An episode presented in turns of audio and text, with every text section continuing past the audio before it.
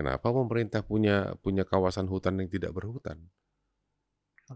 Karena kata kuncinya kalau menurut saya sih di kata kawasan sih. Ya, di kawa Atau kan- kawasan. Dan itu uh, punya makna legalistik bahwa itu delineated se- sebagai kawasan hutan, tapi tidak necessarily berhutan karena ada uh, fungsi-fungsi lain yang juga dijalankan oleh kawasan hutan tersebut gitu. Betul. Uh, dan kalau kita bicara kenapa ada kawasan hutan tidak berhutan dan ada kawasan APL Yang yang berhutan. masih berhutan, uh, mismatch-nya kan cukup gede juga ya. Iya. itu. Uh, saya agak lupa angkanya dulu saya pernah lihat. Cuman uh, dulu pada saat delineasi kawasan hutan juga uh, teknologinya belum semaju sekarang gitu. Betul. Kalaupun kita sekarang mau di matchingkan gitu, semua biofisik hutan masuk ke kawasan hutan, semua yang tidak berhutan secara biofisik Mhm. Keluar semua. KPL. Ya. Em, Itu akan itu lebih adalah ya. kesepakatan legal, tapi eh, eh, mungkin KLHK juga eh, punya alasan-alasan tertentu kenapa kawasan yang tidak berhutan itu dipertahankan sebagai Kawasan kawasan, hutan. hutan. Tiga dekade saya di dunia sawit. Begitu banyak opini di sana sini. Siapa yang salah? Siapa yang benar? Mari di sini kita buka dengan saling bicara. Saya ingin berbicara dengan mereka, berbicara dan mendengar cerita yang benar, bertanya sampai membuka fakta baru, karena rasa ingin tahu selalu membuat seru. Saya Togar Sitanggang, welcome to Tagar Togar Podcast, Explore, Reveal, Sharing.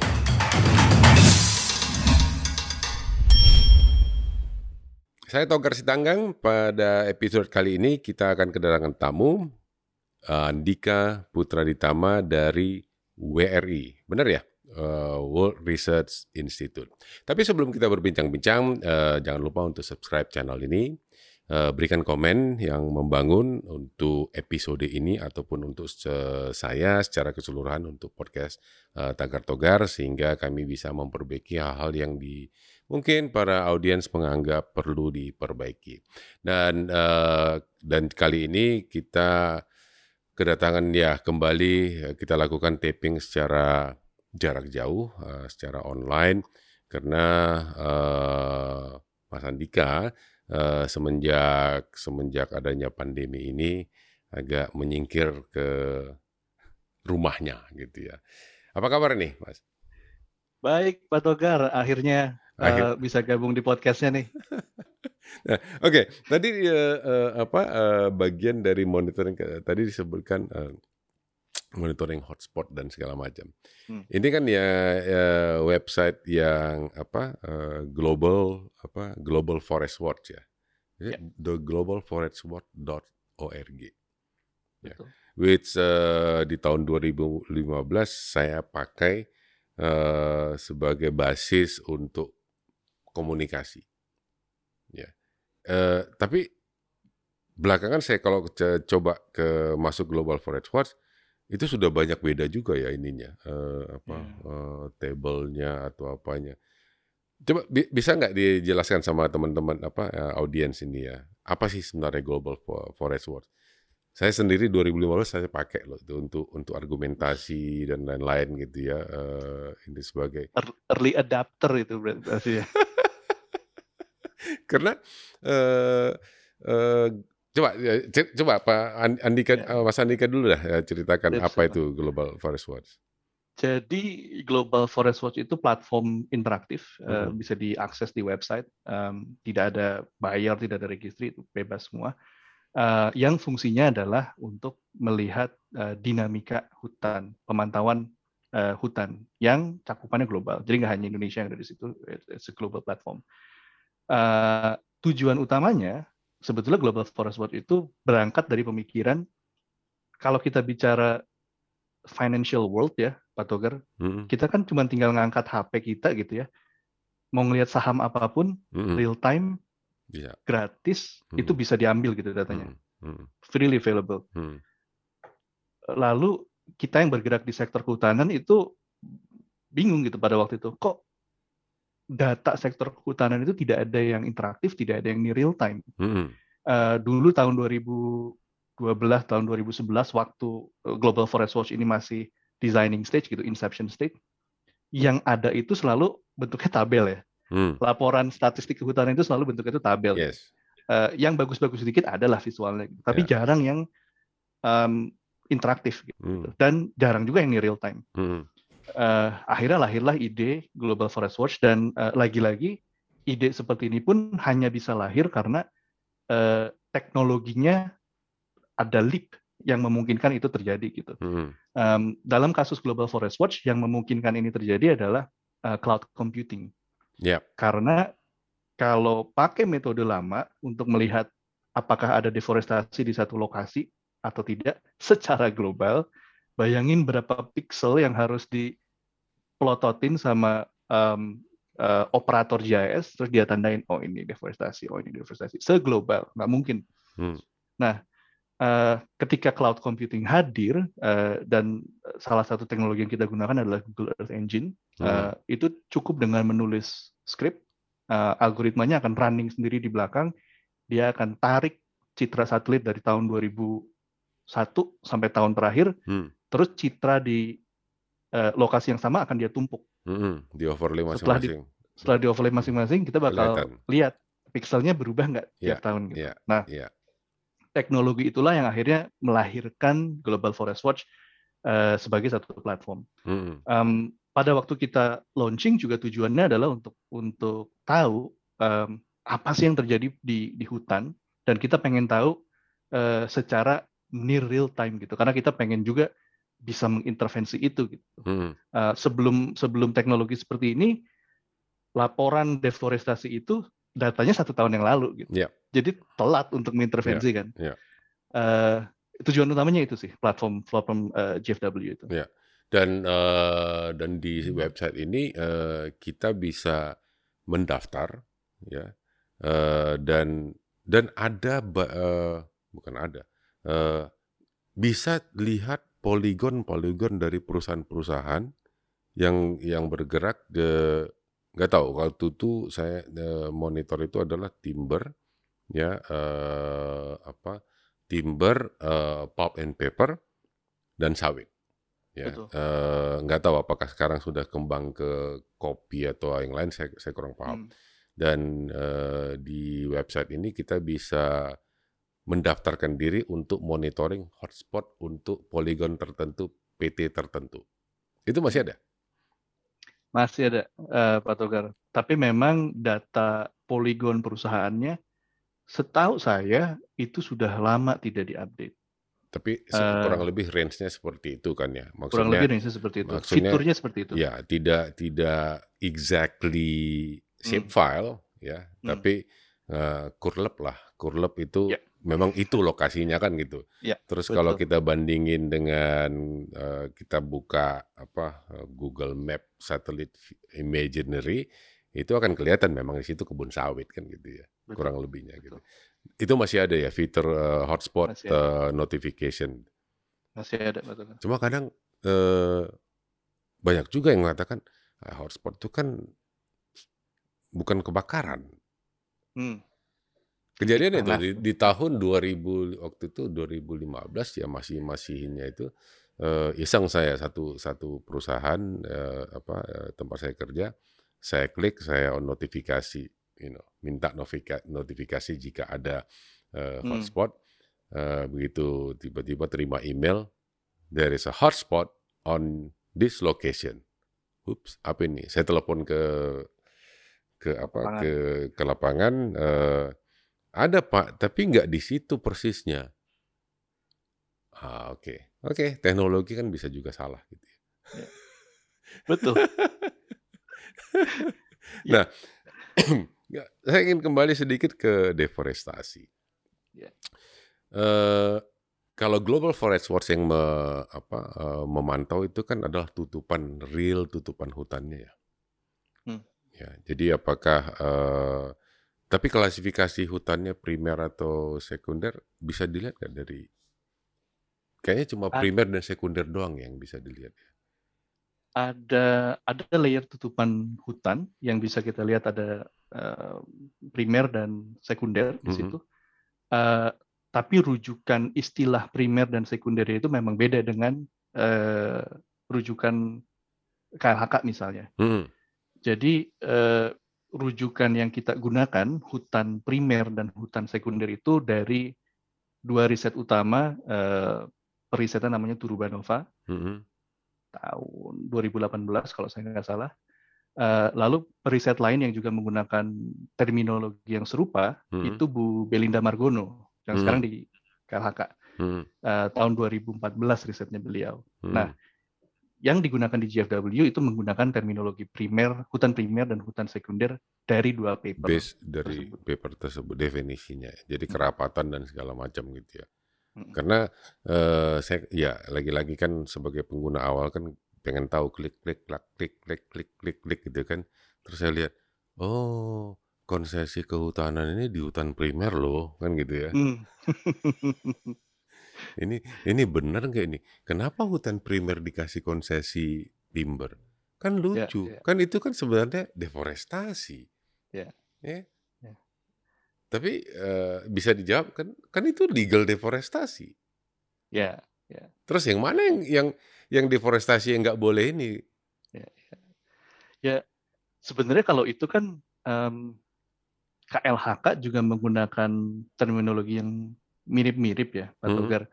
Eh, Ekuivalen apa analognya itu begini, hutan primer dan hutan sekunder yang ada di Global Forest Watch itu setara dengan eh, hutan alamnya KLHK. Sorry, saya eh, kurang akurat di situ.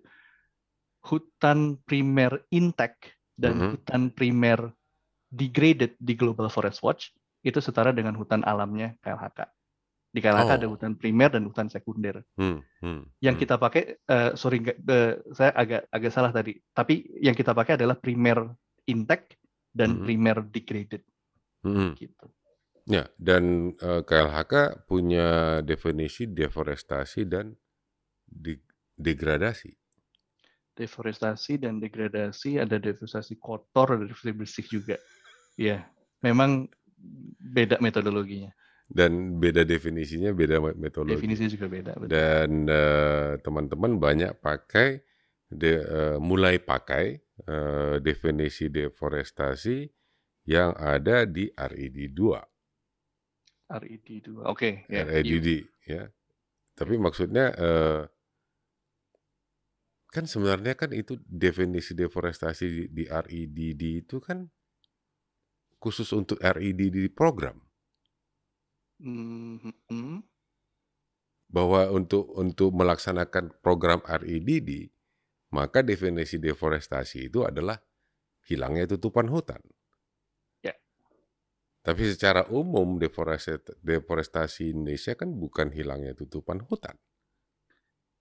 Oh, well, sebetulnya nggak juga sih ya Pak Togar. Hmm. Em, tapi mungkin bisa diklarifikasi nanti kita cek gitu ke websitenya KLHK gitu misalnya. Karena Tapi KLHK juga punya definisi kehilangan tutupan hutan eh, iya secara permanen ya. Nah. Itu juga ada di KLHK. ada gitu ya. Tapi karena kan karena kalau kalau memang kalau memang ke definisi deforestasi secara hilangnya tutupan hutan harusnya nggak ada lagi kawasan hutan yang tidak berhutan, Nggak ada lagi kawasan hutan. yang dibutuhkan. Oke.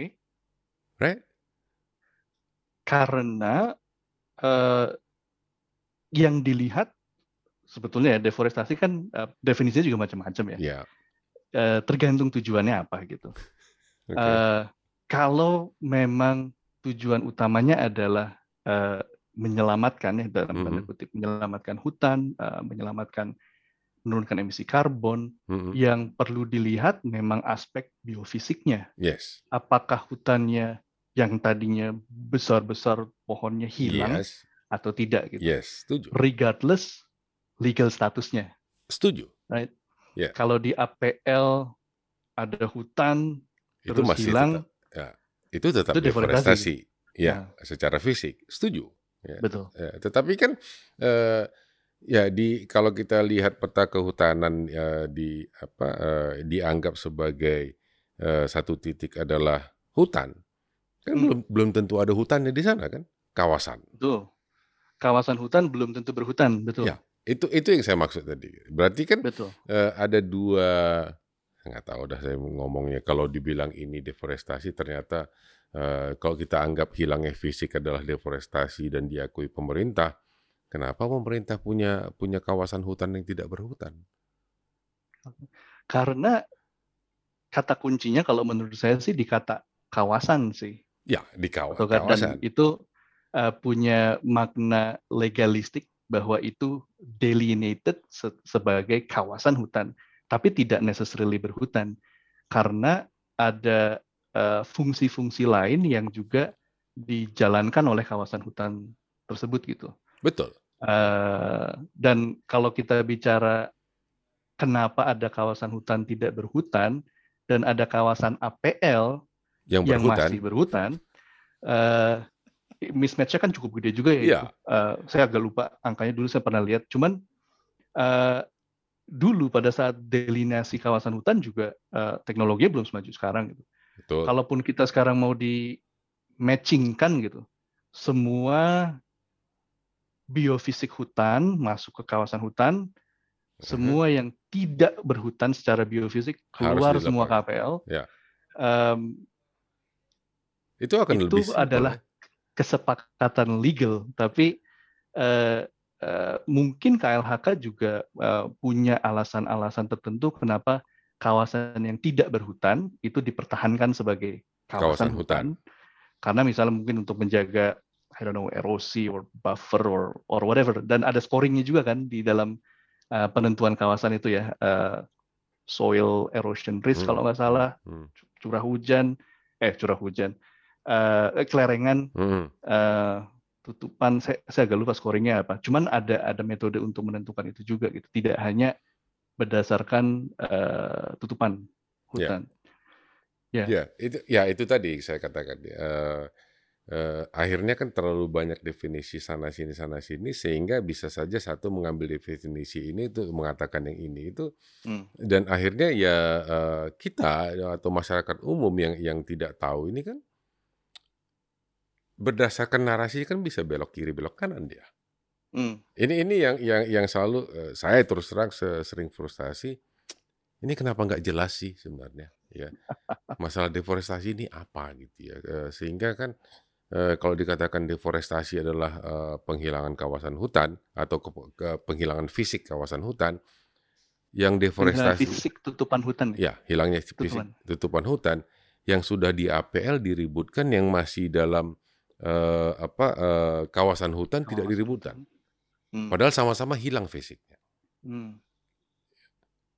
Tapi karena dikatakan memang itu sudah diberikan izin, boleh dipotong.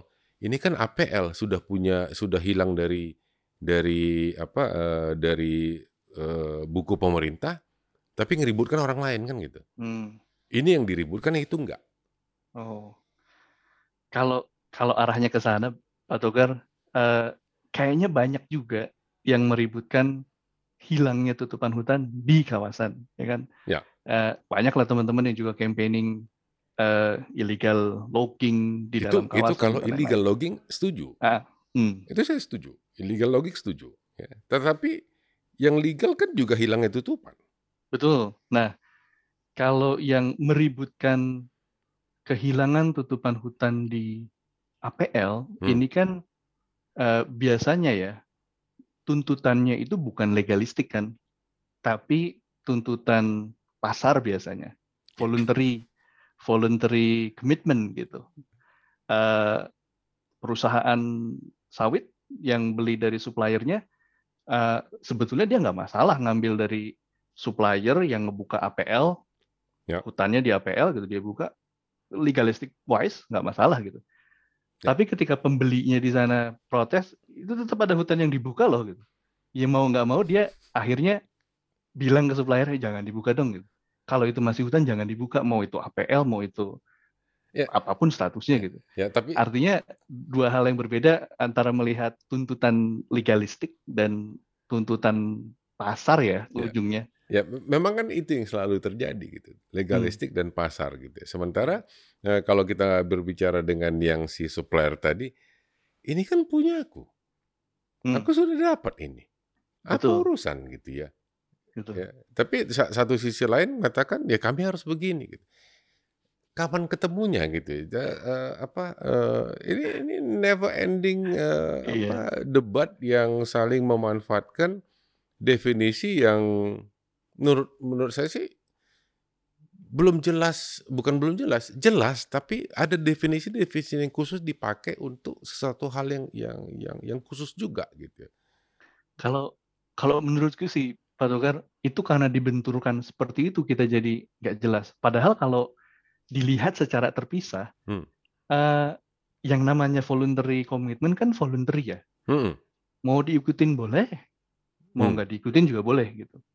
Uh, kalau si suppliernya mau nebang hutan di APL untuk dijadiin sawit, izinnya udah lengkap, hmm. ya mau ya mangga gitu. Tapi uh, jangan berharap bisa menjual ke buyers yang sudah punya komitmen no yeah. deforestation misalnya. Yeah. Uh, dan secara faktual banyak buyer yang masih menerima hmm. uh, sawit yang um, apa masih berkontribusi terhadap deforestasi misalnya. Hmm.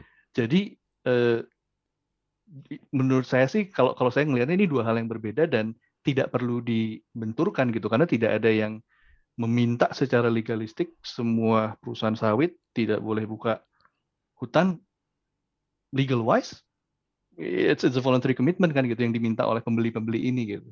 Ya itu itu dia kan uh, antara market uh, market power ya uh, hmm. dengan uh, dengan legalitas dan yeah. ini nggak akan nggak akan ketemu deh.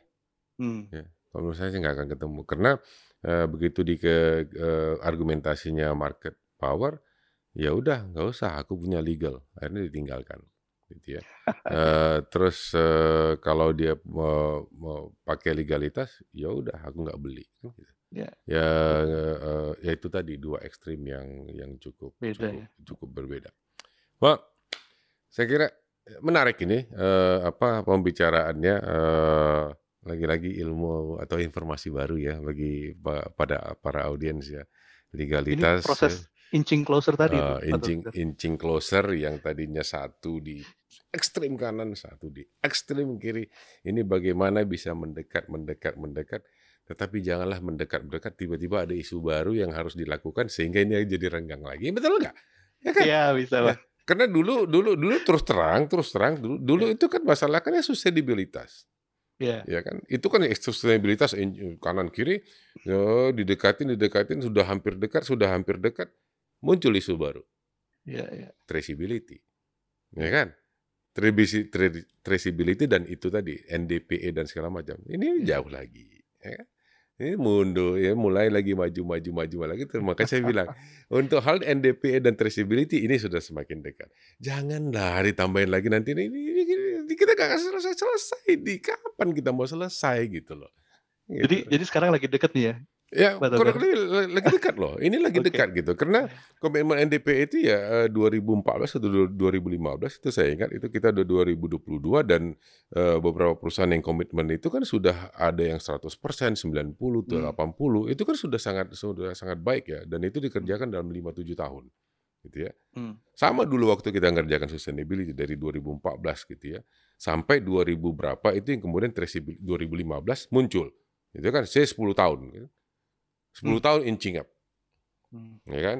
Nah, nah, muncul traceability. Ini balik lagi ke sini. Apakah ini akan membutuhkan 10 tahun dari 2014 menjadi 2025 uh, untuk bisa mendekatkan traceability dan moga-moga 2025 jangan lagi masuk satu lagi sehingga ini bisa lebih kembali menjadi lebih jauh lagi uh, pencapaiannya.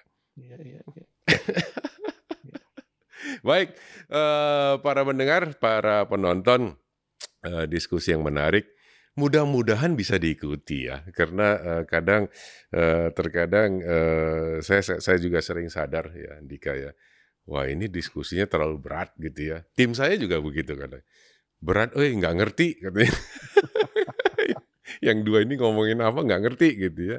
Uh, tapi ini uh, suatu informasi ya, mungkin suatu pengetahuan ya bagi bagi para audiens uh, tagar-tagar podcast uh, dan itu memang tujuan saya uh, agar uh, lebih luas pengetahuan-pengetahuan uh, dan kompleksitas dari permasalahan di kebun perkebunan sawit ini sangat-sangat tinggi ya. Ini mungkin kita baru bicara hanya satu dari nggak tahu mungkin seratus seratusan ribuan permasalahan yang yang ada di uh, perkebunan kelapa sawit dan industrinya ya. Semoga uh, uh, perbincangan ya diskusi kita pada episode ini uh, bisa mencerahkan teman-teman uh, semua ya yang mendengarkan uh, dan jangan uh, ya mungkin kalau mungkin episode ini agak-agak berat ya butuh konsentrasi uh, yang lebih tinggi kali ya. Pendengar Patogar ini kan season semua Patogar. ini gampang lah buat mereka ini. Baik, terima kasih Andika ya, uh, ya suatu kesempatan yang baik ya kita bisa bicara akhirnya dan topik diskusi. Jangan lupa kalau mau main, apa para pendengar yang mau bermain-main dengan ngeliat-ngeliat hutan itu perubahannya seperti apa, itu ada di Global Forest Watch yang yang sudah saya gunakan sejak 2015. Sangat-sangat menarik uh, apa uh, informasi di dalam dan bukan cuma Indonesia ya, bukan cuma Indonesia. Jadi Global Forest Watch itu punya data uh, Afrika ada, Asia lain ada, Eropa ada dan bagaimana perubahan tutupan hutan di setiap daerah atau setiap wilayah atau setiap negara. Sekali lagi terima kasih. Uh, sebelum saya pamit, jangan lupa untuk subscribe uh, dan apa berikan komentar membangun dan likes dari episode ini atau episode-episode lain yang para pemirsa atau pendengar yang merasa sangat terbantu informasinya ini didapatkan dari setiap episode. Terima kasih Andika dan salam sampai jumpa. Tiga dekade saya di dunia sawit. Begitu banyak opini di sana sini. Siapa yang salah? Siapa yang benar? Mari di sini kita buka dengan saling bicara. Saya ingin berbicara dengan mereka, berbicara dan mendengar cerita yang benar, bertanya sampai membuka fakta baru, karena rasa ingin tahu selalu membuat seru. Saya Togar Sitanggang, welcome to Tagar Togar Podcast, Explore, Refill, Sharing.